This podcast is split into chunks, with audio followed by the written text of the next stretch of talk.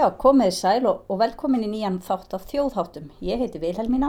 Og ég heiti Dagrún. Með okkur í dag er aðalhefur Guðmundsdóttir, prófessor í íslenskum bókmöntum fyrir alda við Háskóla Íslands. En hún var áður dósent í þjóðfræði og kendi þar fjölbreytt námskeið með annars um sagnir, æfintýr og galdra. Velkomin aðalhefur. Takk fyrir. Þú varst hérna að kenna í þjóðfræðinni áður og ert núna að kenna í íslenskunni. Já, Þetta tengist aðeins, er það ekki? jú, það var nú þannig að ég kem úr íslenskunni, sko, þar er ég mentuð, en hérna einhvern veginn alveg bara frá því ég var á B-stíðinu, þá er ég svona meðvituð um það hvað ég ætlaði að taka og ég einhvern veginn valdi alla kúsa sem að sko í miðaldabókmyndum og svo sem tengdist þjóðfræði. Ég tók ekki kúsa beinleins hér en það var samstarf á milli hérna sviða og delta þannig að Jón Nevill kendi hjá okkur í íslenskunni, valnámskeið og svo voru svona þessi, þessi svona íslensku þjóðfræðingar eins og Hallfreður Örn Eiríksson og Jón, Jón Samssonarsson, þeir náttúrulega kendu mikið í íslenskunni þá, þannig ég tók hellings þjóðfræði líka og þetta er bara mjög skemmtileg blanda og í rauninni mjög þörf, þú veist, það, það þarf fólk sem að sérhafið sig einhvern veginn svona í þessum tengslum þarna á milli. Ummitt. Og hvað varstu þá helst að rannsaka í íslenskunni þegar varst í náminu? þegar ég var í náminu þá hérna, já, ég einhvern veginn sko áhugin bara fór svona mjög snemma yfir að fornaldasögurnar en líka ettukvæðin, hetukvæði ettu sérstaklega.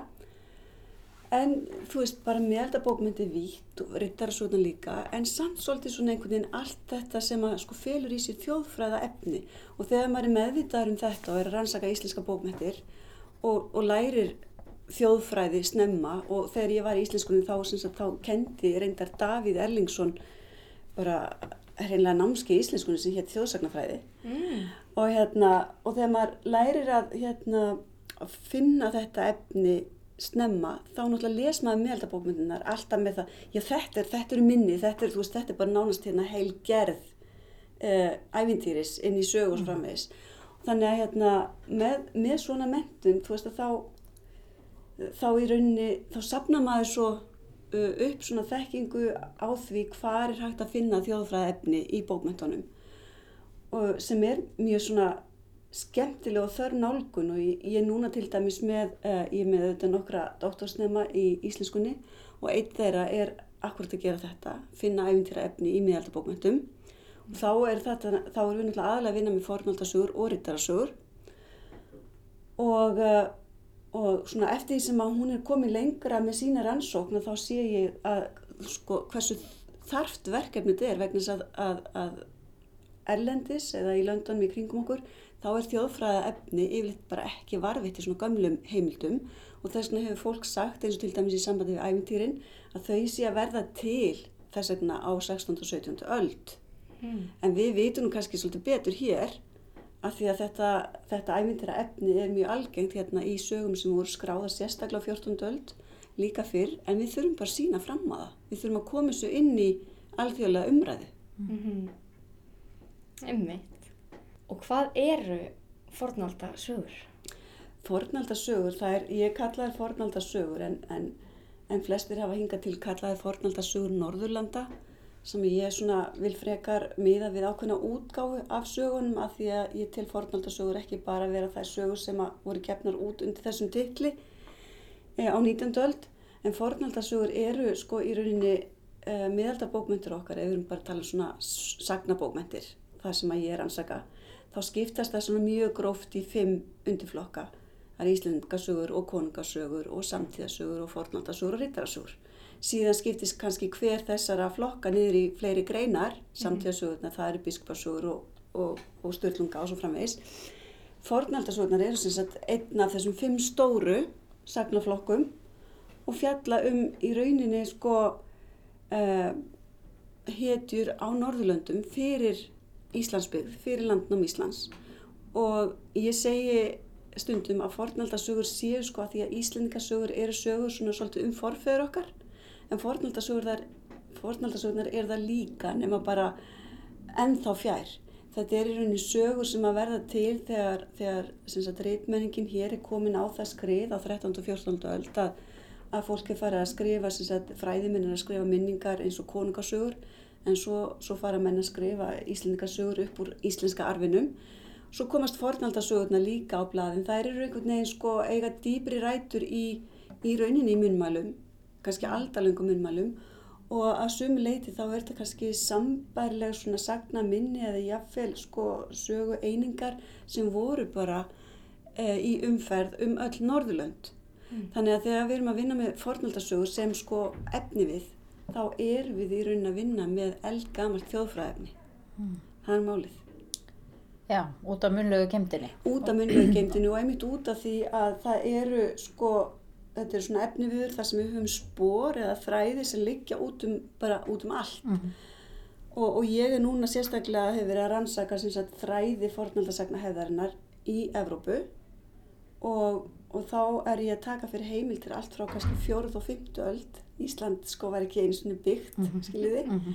og það eru ákveðin mótíf og stef í gangi sem að síðan hérna þróast eh, sérstaklega á svona þessu svona germanska landsvæði sem við kallum í dag Þískaland, það var náttúrulega ekki til mm. sem Þískaland þá.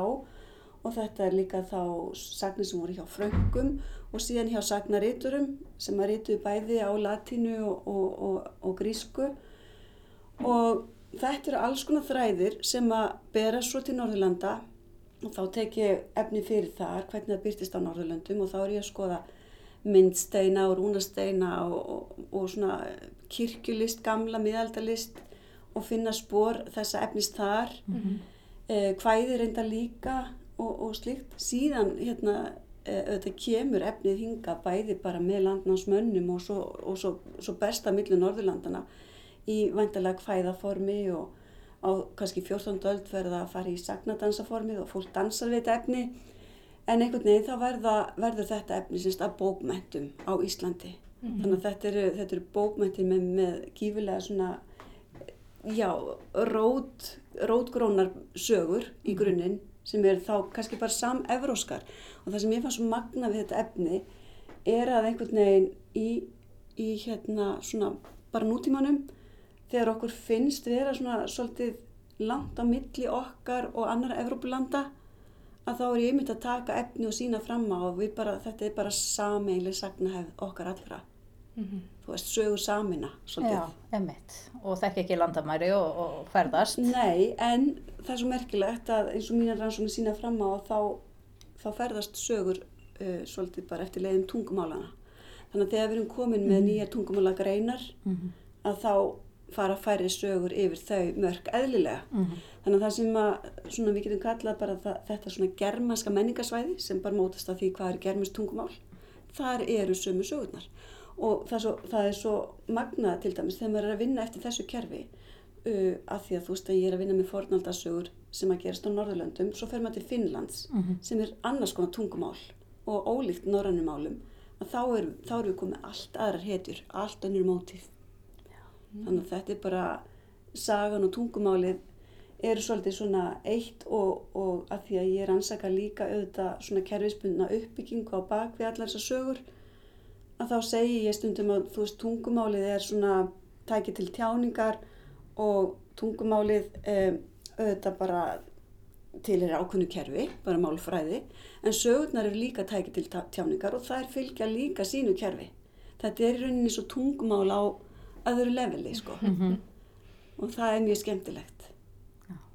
Já einmitt, mjög áhugavert Líka áhugast, þú varst að tala um hérna og verið að nota svo fjölbreyttar heimildir, einmitt, hvernig það byrtist bara í alls konar rúnasteinum og vefnaði og Já. veit ekki hvað og hvað. Já þetta eru, þú veist, ef við tökum Norðurlandi fyrir, þú veist, þá er ég aðlega að sko myndsteinarnir eru bundni við Gotland og þar eru, og það myndsteinarnir eru náttúrulega ótrúlega fallir og, og, og merkilegi greipir frá þetta, þú veist, flesti frá 9. og 10. öll og öll og jáfnvel 11. og, og fordlega fræðingar hafa mikið auðvitað verið að rannsaka þá en fordlega fræðinga, jáfnvel þó þau séu mentaðir á Norðurlöndum að þá eðlilega bara skorti þá þekking á íslensku sagnarfi þannig að þegar kemur svona einhvert sem að, sem að kann alla sögurnar mm. þá, þá, þá kemur auga á mótíf mm. á steinunum en svo náttúrulega er alveg skrefið yfir í það að fara að skrifa um það og sanna að þetta geti verið eitthvað. Þá þarf maður að búa til tengsl við fleiri myndir og búa til sko svona einhvers konar eh, teiknum einhvers konar mengi af efninu til þess að sína að það hafi vissulega verið í umferð á þessu svæði á þessum tíma. Svo höfum rúnasteinina, það er náttúrulega, rúnasteinir eru með færri og mun staðlari myndum mm. uh, en þeir geta hjálpa okkur í, í, sérstaklega í, sambandi við sögur að drekum uh, og svo eru vegteppi og, og sumir vilja meina það að veggteppin séu svolítið öðruvísi vegna þess að það sé svona þetta kvennilega tjáningaform, konurnar ofu eða, sömuðu út og þar höfum við sömu sagnamótíf en kannski áherslunar eru aðrar heldur en á steinunum. Það er verið að leggja áherslu á meiri svona tilfinningaþrungnar senur úr bókmyndunum heldur en kannski þær sem eru síndar á steinunum vegna þess að það er náttúrulega Sigurður sem að rekur fápni í gegn og svona þessar hetjutáðir mm -hmm. það byrtist öðruvísi í, í kvenlugu list, listformónum og síðan er það stafkirkjurnar auðvitað sem eru svona kannski um 1200 og, og í snemma á 13. öld það eru mótíf uh, ég hef líka fundið myndheimildir og steina á Breitlandsegum þar sem norranni menn voru sem að, sem að sumir kalla vikinga en við vitum nú að hérna, vikingar voru að vísu vis, til og, og kannski ekkert úr vegi að kalla þá sem að fóru til Breitland segja vikinga vegna þess að vikinga voru náttúrulega sérstaklega bara þeir norðan menn sem fóru í hernað mm -hmm. og, og, hérna, og vikingar sem að sem sagt, fóru til Breitland segja og, og sögðu til Fraklands og jáfnveil spánar og þannig kring að þeir komu svo jáfnveil tilbaka og settu stað sem stá Breitland segjum og giftust þar eða kvæntust og hérna og áttu afkomundur þannig að, þannig að það er allt til að nota þetta hugtak í sambandi við, norðanir menn þar á Breilandsegum. Það er efni, það eru krossar, mjög merkilegt að hafa krossar sem hafa samt þessi svona kannski fórkristnu sagnamótíf og svo er það náttúrulega eins og, eins og skáldskapurinn, kenningar og annað að þá höfum við ekki bara íslensk eh, drótkvæðaskáld, heldur líka norsk mm. og, og, og Elstu, elstu kvæðin eru jáfnvel norsk og svo koma Íslendingar sterkar inn kannski á tíundu og elleftu öld en, en normin á nýjundu þannig að þetta er alveg heilmikil efni við fyrir utan ef við förum svo að skoða alla sagnadansana sem sprett på 14. og fólk er ennþá að dansa við það á 19. öld en þið veitu, í færi um ennþá sko mm -hmm. þannig að þetta er, þetta er mjög fjölbreytt efni mm -hmm. Já, svo áhugavert, eitthvað svona greinilega eitthvað sem að talar til fólks fyrst að þetta heldur áfram gegnum allan án tíma. Þú getur ímyndaðir ef við höfum bara tökum hérna bræðina Gunnar og Högna til, til dæmi sem eru bræð, bræður, þekktir bræður og völsungarsögu. Ég er búin að reykja sem sagt Gunnar til, til að hann semst var sögulegu konungur uh, uppi á fjörðöld og en Högni kemur svona líklega setna inn í, í sagnahæðina og það er svona mismundi skoðanir um hver höfni var af því að hann er eins og reyndar mjög margir í þessum svo kallar hetusagna arfi, það eru nokkra rætur að bak við höfna og yfirleitt eru hetutnar í bókmyndunum ekki svona einhver einhetja en við getum fundið kannski þrjúnöfn og sagt þessi söguhetja er flett úr þessum höfðingum en allavega þeir eru þetta gamlir og, og svona einhvern veginn lifa þeir í, í sagnahef þessa menningar hvað var að segja menningarlega umhverfis í kringum Rín eða, eða nú, núverandi Þýsklands og Fraklands sagnina byrjast til Norðurlanda koma fram í myndlist í ís, íslenskri völsungarsögu auðvitað Þýðriksöga Bern og fleiri bókmyndaverkum hér fram eftir öldum í kappatölum og slíkum eh, hvæðum sem að byggja á gamlu sögunum. Og mér fannst alveg frábært að hlusta á þölu eh, sem að er varðið eitt á Segulbanssafni átnastofnunar þar hérna þölur er nú svona eins og allir vitir mjög svona samsett hvæði sem að það sem að svona einingar eða blokkir taka við bara hvar annari mm -hmm. og algengt í þölum er einmitt svona nafna þölublokkir allt innum bara snýr hérna sá sem að hveður þöluna einhvern veginn umfjöldun eflinu yfir það að fara að telja upp nöfn. Og svo koma þarna þölur þar sem að sko allt innum koma innan um önnu nöfn Gunnar og Höfni eða aðalvarður og ormagarður. Kannski í sama, í sömu blokk. Og maður alveg byrði þetta Gunnar ormagarður átti það einhvern mann saman. Að því Gunnar þessi Gjókarsson hann náttúrulega var settur í ormagarð eins og frækt er, högni bróður hans. Einhvern veginn er það tilvílin að þessi, þessi orð sé í sömu blokk skiljið mm og ef ekki þá höfum við þarna samfælt að sakna hefð af sömu hetjum.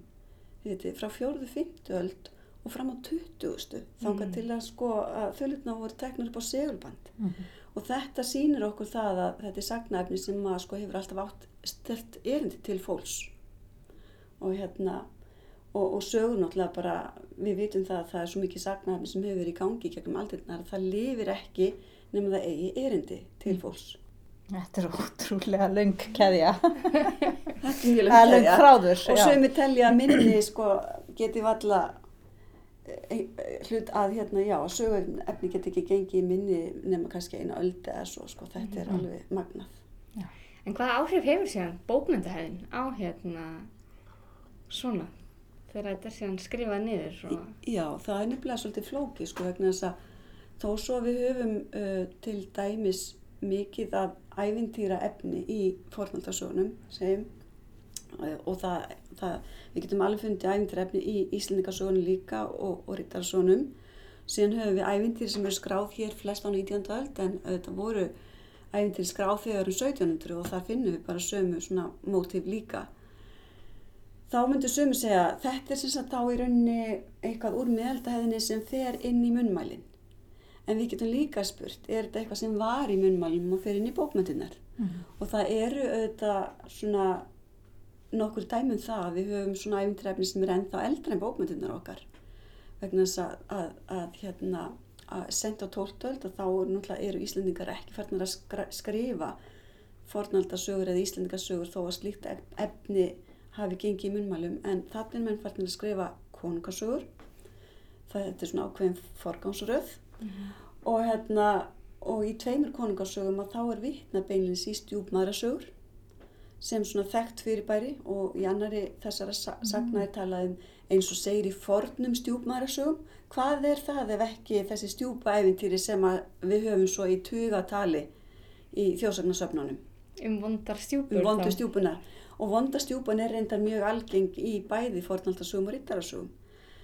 Og þannig að, þannig að ég held sem sagt að miðaldahöfundar hafi verið að leika sig með þetta hefðbunna efni e, þegar á 14. öld og jafnvel eitthvað á 13. öldinni þá kemur þetta efni aðeins inn sko þó 14. öldin sé svona eitthvað neginn e, meira svona þessi öld þegar munnmælefni verður sýnilegt virkilega í bókmyndanum þannig að en allavega þá, þá með því að stúdra þessar sögur og þá sjáum við að þetta er bara efni sem að, sem að gekk á milli rítmenningar og munnmenningar og, og, og þegar það er eh, skráðu niður eh, sem munnmæli á 19. öld eða, eða þess vegna 18.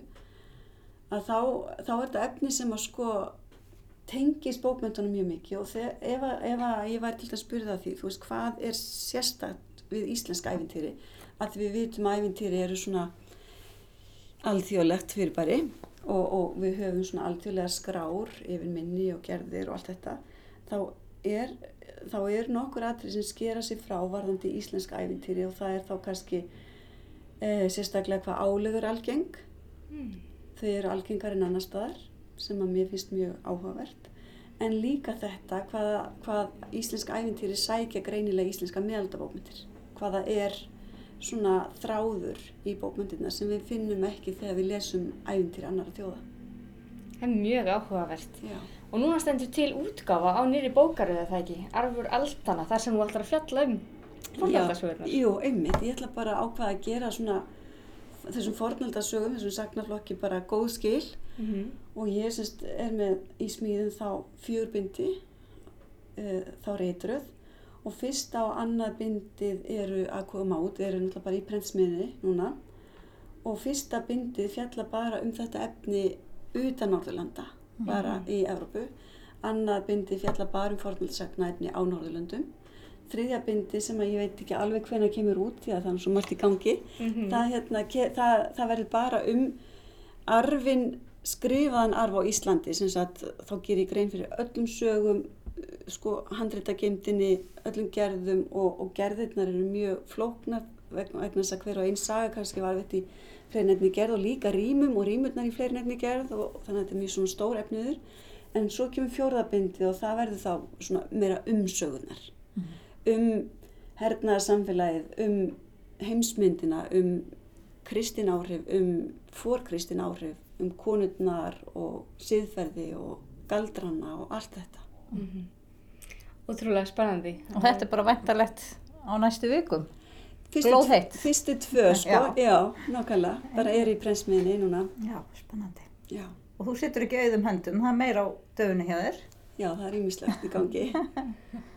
Segðu okkur frá því. Já, við erum hérna kennarar í íslensku sem að tókum okkur saman, sex manns, reyndar, sem sagt, við erum fjögur sem að kennum í íslenskunni, uh, Ármann Jakobsson og, og ég og Sveit Ningvi Eilsson og Ásta Kristín Bendisdóttir, við erum öll bókmyndakennarar. Síðan Jón Yngvi Jóhansson á mentavistasviði og Margret Eggesdóttir á Árnastofnun. Við semst tókum okkur saman og, og erum að skrifa uh, nýja bókmyndasögu í rauninni. Íslensk bókmyndasaga er til mjög ítaleg í fimm bindum og ekki, ekki íkja langt síðan hún kom út en, en 92 minnum eða eitthvað í kringum það kom fyrsta bindið út og svo komu þau koll að kolli.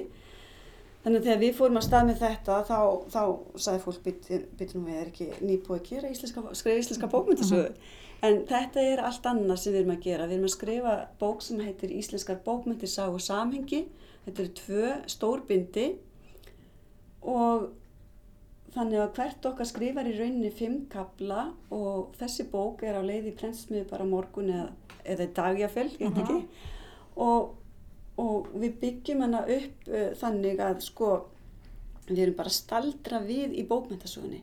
Þannig að hvert okkar er með fimm kapla eins og ég segi og þegar ég skrifa mína fimm kapla, ég tek tímabil nr. 2, ég byrja 1263 og mínum tímabil líka cirka 1550, þá tek ég bara svona fimm ártöl og spinn í kringum það, það, það ártal, það sem mig langar til þess að segja. Eins og þegar ég tek fyrsta ártal mitt 1263, þá bara, þá bara býði til þessa sviðsmynd af Sturlu Þórðarsinni, þar sem hann er á skipi Norris konungs og, og drottningar og segir huldarsögu. Og, og huldarsaga er sem sagt glötu, allavega miðaldasagan, en það er svona spór af henni eh, annar staðar.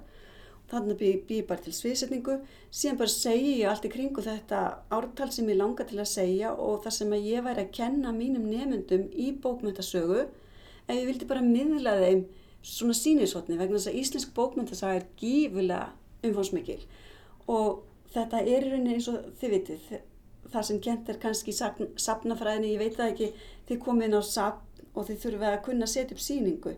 Við viljum kannski ekki sjá 200.000 naglbíta, þótt þessi til að laga er, en við viljum sjá kannski örfa á týpur sem að, sem að hérna, sína okkur að það er svona mismunandi tilbreyði og hérna, og þú býr til síninguna þú gerir hana áhugaverð, þú matreir arfinn þannig að fólki finnist sínishornin spennandi og, og vilji svo fara frekar inn í rannsókninar og þannig hugsun við okkar sagt, yfirlitið við bókmyndasögu og, og sjálf hef ég notað líkinguna að íslensk bókmyndasaga sé eins og eh, stórt og mikið mósækverk og hérna og það er, mjög, það er rosalega svona misjöfn þessi brot og fyr, misfyrirferð mikil.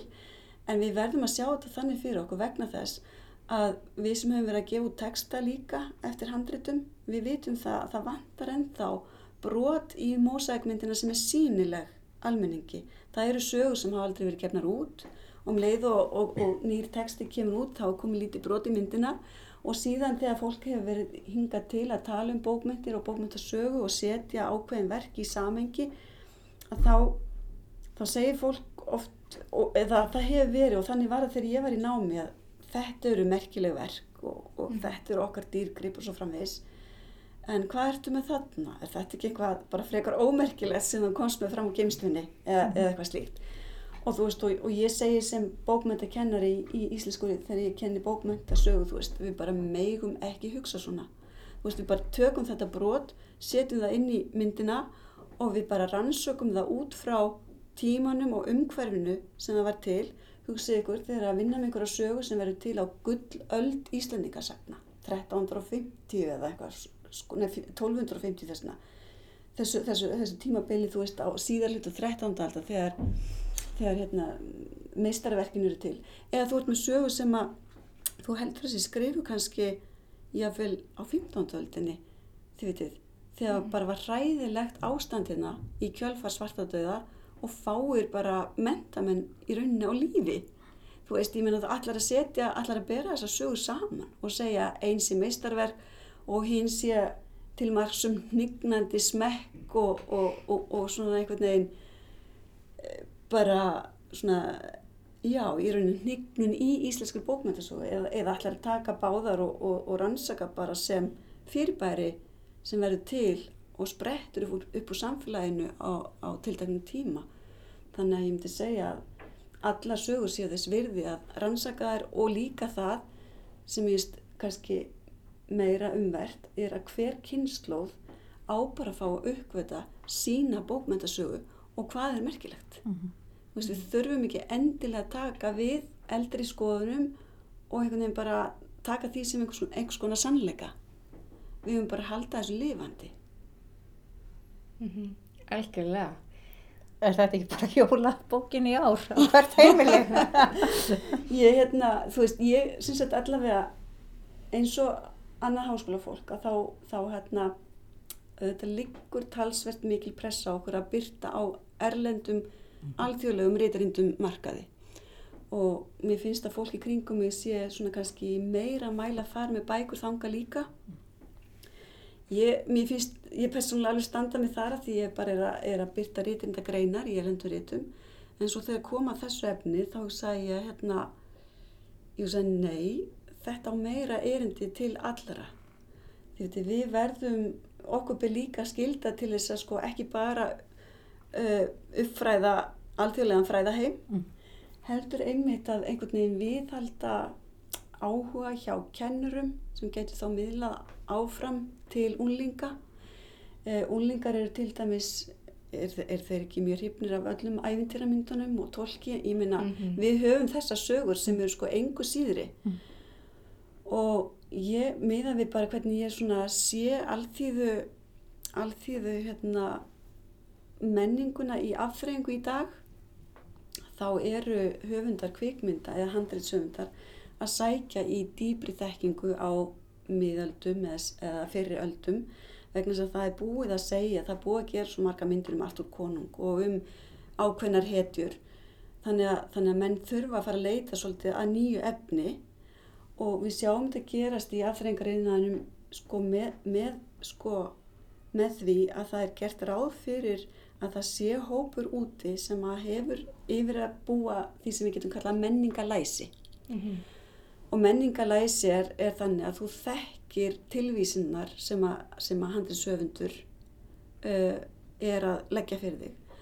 Og við getum bara til, tekið sem dæmi hérna vestra sem var vinsall fyrir nokkrum árum og heitir Django Unchained. Ef þú bara nýtur vestra og hefur hort á fleiri vestra þá bara nýtur þessa myndar sem vestra.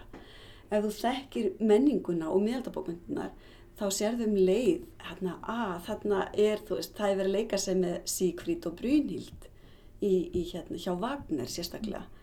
Eh, eins og hann madriðir hérna þessar sögu hetjur inn í, inn í óperuna en í grunninn er þetta náttúrulega bara okkar Brynhildur, Böðladóttir og Sigurður Fafnisbanni sem eru þarna svona eins og rauðu þráður í gegn og, og leikstjórin veit alveg hvaða táknan þarf í myndinni til þess að kveikja á menningalæsinu hjá þeim sem þekkja. Og, og þannig verða sagt, listaverk dagsins í dag stundum e, eru þau stundum á fleirin einu sviði eða einu já þú veist, það er bara eitthvað þú getur notið, notið verksins bara á, á þessi eins einn fórsendum, en það eru líka dýbri undirtónar fyrir þá sem að sem að kunna með það og ég get alveg ymda mér að bæði myndi listaverk þróast meira í þessa átt að það er verið að vísa til þeirra sem að þekkja menninguna. Ég meina það eru fleira og fleira fólk sem er háskólamenta og það vil svolítið fá kannski líka einhvern veginn að fá svona tilvísun í sína þekkingu en svo bara líka þetta að þegar við höfum sögur eins og fornaldasögurnar sem að eru náttúrulega sá efni við sem að tólki hann þekkti og hann notar í sínu verkum að þá munu vantarlega handriðsöfundar vilja sækja í þetta efni í ríkara mæli í framtíðinni í, í staðin fyrir að setjast bara niður og skrifa endilega nýja skiljiði fornaldasögu þá, þá verður vantarlega þörf fyrir svona efni við. Mm. Ég myndi allavega svona, mér finnst allavega svona aðþrengi stefna í þátt. Mm Og náttúrulega svona klassíst að þessi minni lau- laumi sér inn og taki sér nýjar byrtingamyndir. Alveg endalaust og eins og við tökum bara aftur dæma Sigurði sem að svona bara eitt sem fylgir honum í gegnum allar aldirnar það er þessi snöru augu í, í, í skandinaviskum sagnadönsum þá, þá er hann þekktur sem Sívart Snarensvend. Og það þýr eiginlega bara sveitnir með snöru augun og í völsungarsögu þá gegna augun miklu hlutverki og þannig hérna þegar Japanir fyrir örfám ári síðan ákveða að búa til uh, tölvuleik um Sigurð og Brynhildi. Eða Sigfríd og Brynhild þeir þekkja kannski nýpilungin lít betur. Að þá einmitt þá hugsa hvernig getum við gert þennan hérna, Sigurd uh, eða Sigurótó eins og hann heitir Sigurótó hvernig getum við gert hann einhvern veginn frábriðin öðrum svona ofurhetjum? Jú, Sigurður er með glerugu þannig að við sjáum mótífið sko ég er henni að lifa þarna alveg inn í, inn í nýjan japanskan tölvuleik. Þú veist, þetta með augun Og bara aðlagast einhvern veginn að. aðlagast einhvern veginn, hann sér betur en aðrir og þú veist, og er með svona fra, hann er fránegur sem kannski í okkar miðaldarfi var svona meira kannski til marksum svona ættgöfgina. Þú veist, hann var svona ekki með svona riðandi augnaráð eins og þrællin í hérna uh, í, í, í hérna ríksmálum. Ríkstölu ætla ég að segja heldur er með svona, svona, svona fast augnaráð og ákveðin en einhvern veginn þá, þá lifir það mótíf inn í síðari aldir og svo alveg inn í nútíma menninguna þetta er mjög skemmtilegt Ymmið. Og að því vorum aðeins frá að tala um ævintýri áðan og svona ævintýra minni líka, þá þú náttúrulega verið að vinna gífurlega mikið með það. Já, ég kendi sem sagt ævintýrin hérna í þjóðfræðinni og ævintýri náttúrulega eins og ég segi, veist, það er fullt af þessu efni í miðaldabókmyndunum og ég hef ekki hægt að vinna með ævintýrefnið og, og ég, sem sagt, þegar ég var hér í þjóðfræðinni þá að því ég kendi námskeiðum íslensk ævintýri reglulega að þá var það eitt af verkefnunum sem að fólki gerði hjá mér var að skrá ævintýri. Og þá bjóð ég bara til ákveði format og við settum inn eh, vissar upplýsingar. Og síðan þegar var búið að skrá svona þetta um það byrjum 550 prentuð ævintýri útgefin að þá var þetta auðvitað gagnagrunnur. Og hérna þegar fólk á BSD auðvitað tekur þátt í svona verkefni þá, þá er það fólk sem er með mjög misjafna þekking og hæfni.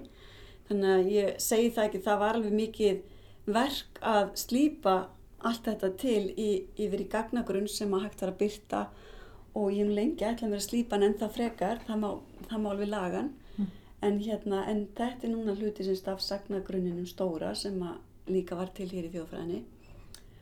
Og, og mér finnst bara svona dæmi um það hvernig, hvernig nemyndur og háskólanemar geta skipt máli og bara unnið eitthvað sem að verður að einhverju. En svo hef ég haldið áfram að vinna með ævintýrin alveg sérstaklega þá í samengi við miðaldabókmyndirnar sérstaklega. Ymmið.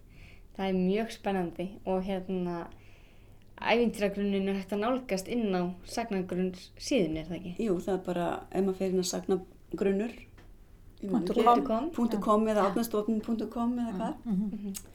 þá er nú að fara að skipta um vettvang held ég fljótlega fyrir sagnagrunnin en allavega þá bara er eitt hlekkur þar inn á ævintýrin. Og það er hægt að leita að öllu uh, sem við þurfum. Við, og, og, og þetta náttúrulega hvernig hefur verið, fólk hefur verið að skrá þjóðfræðefni upp á síkasti að þetta er sko öll ævintýri, allar sagnir, þú getur leita fram og tilbaka á allskins efni uh, sarpur.is hjá þjóðminnasafninu uh, þetta er ekki komið svona langt í miðaldabókmyndum svona mikil skráning á öllu. Og einhvern veginn þegar ég var að skoða um daginn hérna var inn á ismus.is og var að skoða sagnagrunninu og ævintýrin allt í samhengi þá hugsa ég mitt mikið svona er þetta fara að vera þægilegt að vera þjóðfræðingur? Það getur henni bara setið og bara leitað í öllum þessum grunnum og láti grunnan að leiða sig áfram í næsta og næsta. Því að þegar ég var að byrja þá var maður alltaf með skrárnar sko fullt á, á bókum hérna fyrir framann sig. En þetta sem sagt gerir þjóðfræðingum mjög auðvelt fyrir að rannsaka í rauninni allir þessi grunna sem eru komnir. Bara frábært. Þetta er algjör luxus, sko. þetta er mikill luxus Algjörlega. En þú ertu líka búin að vera að skrifa um galdra í miðalda bókmyndinu.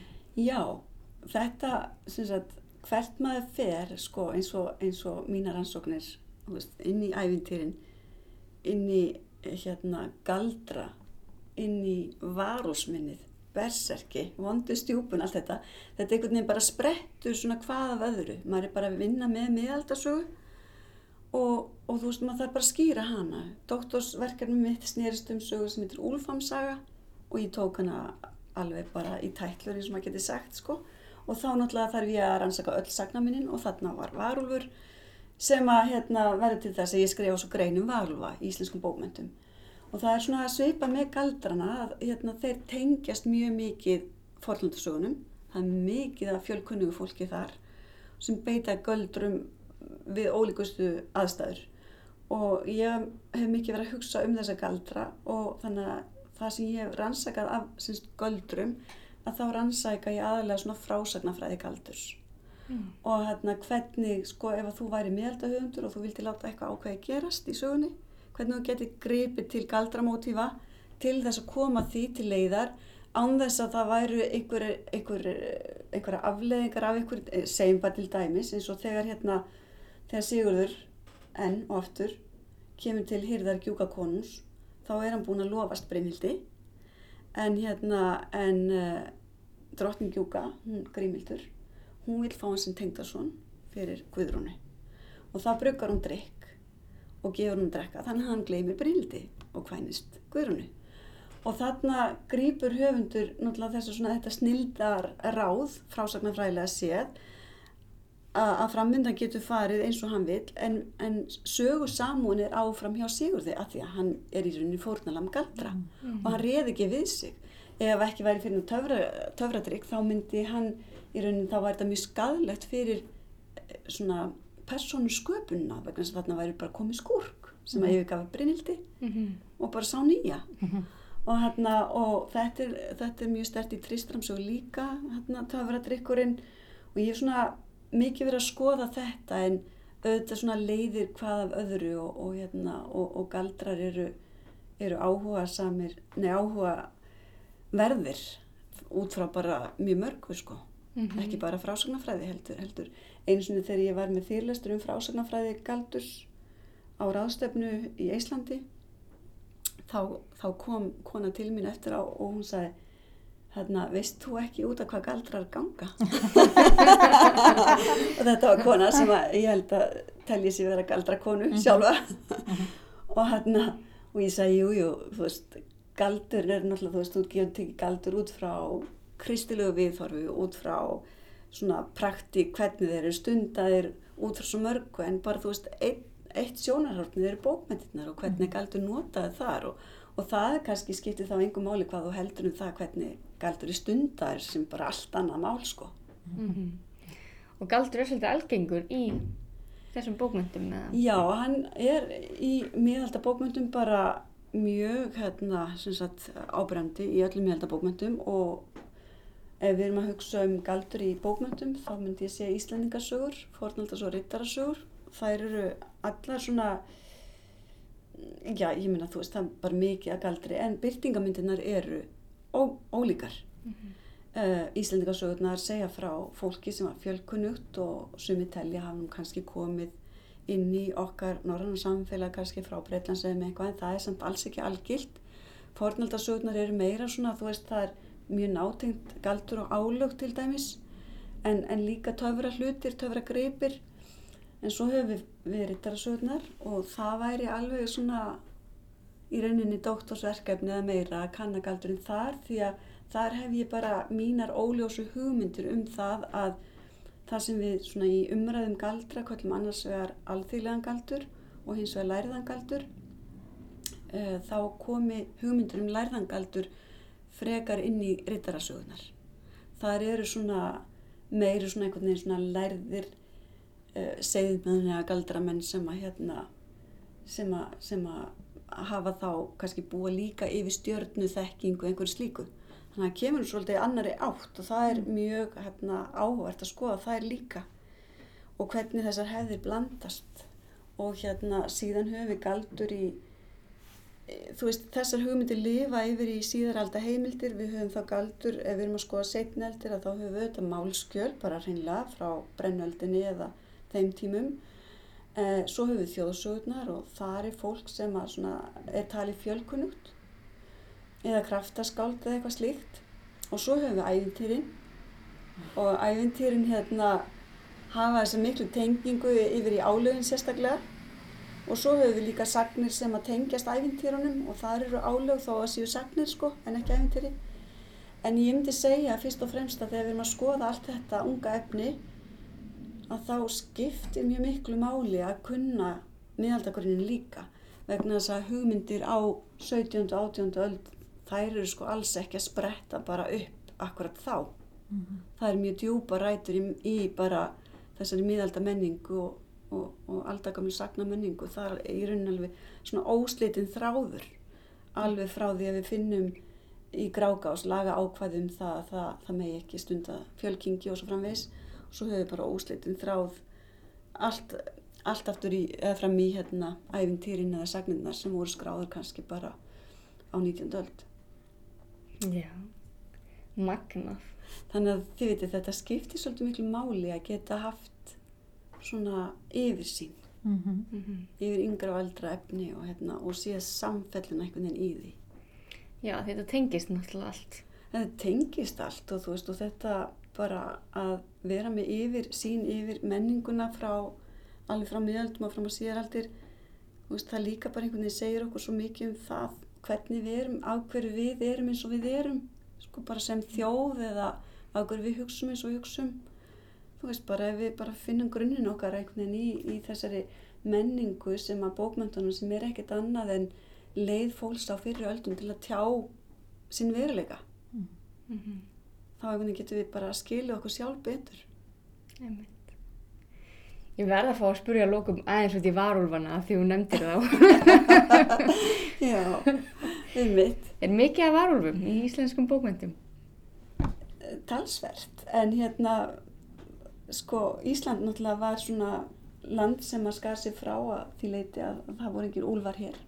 Þannig að við höfum varúlfana aðla á miðaldum þeir lifa alveg inn í bókmyndi til 15. eitthvað slúleis eða kannski fram á 15. öld en, en íslenskar heimildur um varúlfa þetta er svona, þetta hamskipta minni er gífulega svona vinsalt í fræðimennsku út um allan heim að þeimstar í, í Afríku hefur hefur hetu sem breytir sér í hlýjabarða eða eitthvað slíkt sko þannig að þetta er sambalið til okkur á Norðurlöndum að þá þeir sem líka sér við dýr í, í stríði þeir, þeir líka sér við byrnið úlfa þetta bara mestu rándin sem við þekkjum hér og, og þetta svona hernaða mótíf uh, sem tengist úlfum kemur inn í, í hérna, bókmyndirnar okkar mjög snemma síðan á svona 13. öld og þá fáum við annars konar varfa með, með svona rómönsum eða rittara bókmyndum svona úr Evrópu og frá Breitlandsegjum og það er allt öðru sér varulur Hann, það er ógefisöfna einstaklingur sem að sko sem verður fyrir álugum og hérna og, og sagan gengur einhvern veginn út af það hvernig hann hegða sér samt svona eins og maður í álugunum þangað til hann er frelsaður og verður maður aftur og þú veist þannig þetta er bara tvent ólíkt. Þetta er berserkirnir og, og varlu að minni sem tengist hernaði og svo þetta romantíska hérna. En síðan eru ákveðnir höfundar á 14. öll kannski að leika sig með þessar tvær hefðir mm -hmm. og búið til nýja sögur þar sem við höfum báðar típunar, eldri og yngri og þegar við skoðum bara varfasögur hérna, í samhengi þessar miðaldir sem þar voru í umferð það er svolítið merkilegt, þá sjáum við og, og við getum búið það bara alla saman og við sjáum Þetta er svona, megin enginin eru þau að þetta eru kallmenn sem að breytast í úlfa eða, eða taka á sig líki úlfs. Hvort sem að það er í yfirfærðri merkingu eða hvert þetta á að gerast í sögunni, sem sagt líkamlega breytingin. Þetta er yfirlt kallmenn, ég held að við höfum samt alveg fjögur dæmum konur, en yfirlt er þetta kallmenn og það er tvennt sem að getur kallað fram þetta dýrslega eðli í þessum kallmennum og það er annars vegar stríð og hins vegar konur. Þannig að þetta er, þetta er mjög skemmtilegt að skoða þetta svona út frá samfélaginu mm -hmm. og veist mhm. hvað, því að þú veist eins og ég sagði á þann að þá eru fólk hvers konar sagna mótífið minni það notar í sagna sköpunum þá er það bara alltaf að tjá eða tólka uh, hugmyndaheim eða hug, hug, huglæg eða hugræn vandamál eða, eða eitthvað slíkt Þannig að, að það að, að, svona þekkja, þekkja dýrið í sér, má segja, og, og setja það fram í sögu þar sem þú bara breytist í dýr, að það segir okkur heilmikið um, um hugafar fólks ákveðin öld. Mm -hmm. Svona sögur endur spekla alltaf samfélag sem það er spretta úr á Al, algjörlega, algjörlega. Ég hef alltaf þegar ég, þegar ég hugsa um þjóðfræða efni og, og líka svona þjóðfræða efni sem að sko ef við tökum bara miðaldirnar og bara íslenska menningu sem, sem eitt sko það hef ég alltaf verið mjög hrifin af þeirri kenningu sem að Stephen Mitchell sem að kennir eh, bókmyndir í Harvard eh, konan hans er, er sveppafræðingur og hann kom eins og með þá kenningu að þú veist hann sagði, konan mín sagði þetta væri bara alveg eins allt þetta efni sem ég er að rannsaka og það sem hún er að rannsaka. Það er einhvað svona risastórt undirliggjandi net. Mm. bara ósýnilegt en það er bara risastórt. Það sprettur upp ávöxtur á ákveðnum ástímum eða ákveðnum tímum einhvern veginn í beinu samhengi við samfélagið. Þú veist, í sveppafræðinni þá, þá þarf sko þá, þá kemur ávöxturinn sveppurinn, hann kemur upp uh, sko ef það, ef það er ákveðið rakastig hýtastig mm. og þá er það ástímin og svo er það náttúrulega líka hvað netið er stert akkurat það sem ástímin kemur upp og þetta er nákvæmlega sama með þjóðfræðin það kræmar allstaðar undir en það sem það skýtur upp kollinum hvað sem það er í rítum, bókmentum eða þjóðsögu sem er skráð eða í myndlist eða hvað að þá er það nákvæmlega að því að þú veist það sprettur upp þetta tilbreyði í samingi, það er einhver sem vil segja frá því og þess vegna þurfum við að skoða það tilbreyði sem þennan ávöxt sem að það samfélag gæti af sér sko. Þetta er í rauninni mjög sniðug líking. Já, frábær líking fannst mér. frábær líking og frábær loka orð held ég. Já. Takk kellaði fyrir komin aðalegur og þetta fróðlega samtal. Takk sem leiðis. Já, takk fyrir að hlusta og takk.